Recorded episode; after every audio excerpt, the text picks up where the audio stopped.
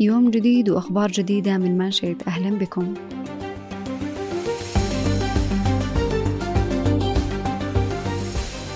في حلقة اليوم نتكلم عن إعلان الميزانية العامة للعام المالي الجديد 2024 وبنستعرض البيان والأرقام المهمة وباقي التفاصيل. أعلن مجلس الوزراء أمس عن الميزانية العامة للدولة 2024 والحمد لله التقديرات الأولية تشير إلى النمو في الناتج المحلي الإجمالي مع نمو للناتج المحلي للأنشطة غير النفطية مع توقع قيادة القطاع الخاص للنمو الاقتصادي والمساهمة في زيادة فرص الأعمال وخلق الوظائف في سوق العمل بالإضافة إلى تحسن الميزان التجاري والاستمرار في تنفيذ برامج ومبادرات الرؤية. أما إذا بنتحدث كأرقام فتتوقع وزارة المالية أن الإيرادات بمبلغ 1172 مليار ريال والمصروفات بتكون بمبلغ 1251 مليار ريال. أما العجز يقدر بمبلغ 79 مليار ريال. طبعا اللي يقرأ أو يسمع عن نسبة العجز يشعر بخوف وقلق لكن وزير المالية خرج عبر منصة إكس وطمأن الناس بأن نسبة العجز غير مقلقة وأن أي تغيير في السياسات الضريبية بيتم الإعلان عنه.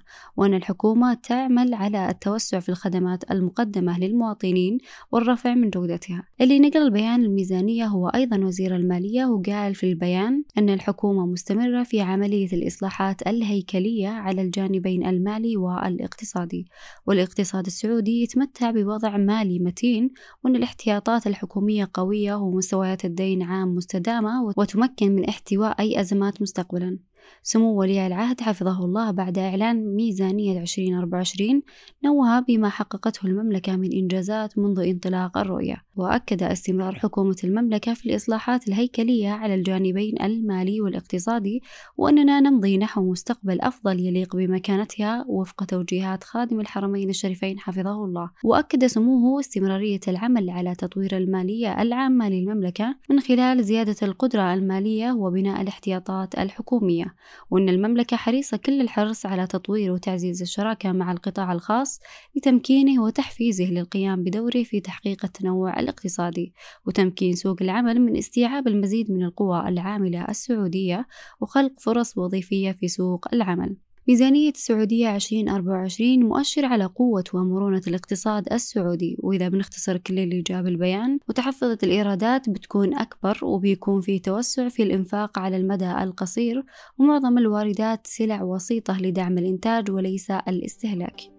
والإيرادات غير النفطية بيزداد نموها إلى 6% وفي تعويل كبير على مشاركة القطاع الخاص. والاستثمارات الحالية تخدم إقامة إكسبو 30 كل هذه الإنجازات تستحق نهني أنفسنا فيها وبتسهم بإذن الله في تعزيز التنمية وتحقيق الرفاه للمواطن والمقيم. نسأل الله يحفظ على مملكتنا نعمة الأمن والرخاء والازدهار. إلى هنا انتهت حلقتنا لهذا اليوم. نذكركم تحميل تطبيق مانشيت للاطلاع على مزيد من الأخبار والفعاليات المقامة في المملكة. مع السلامة.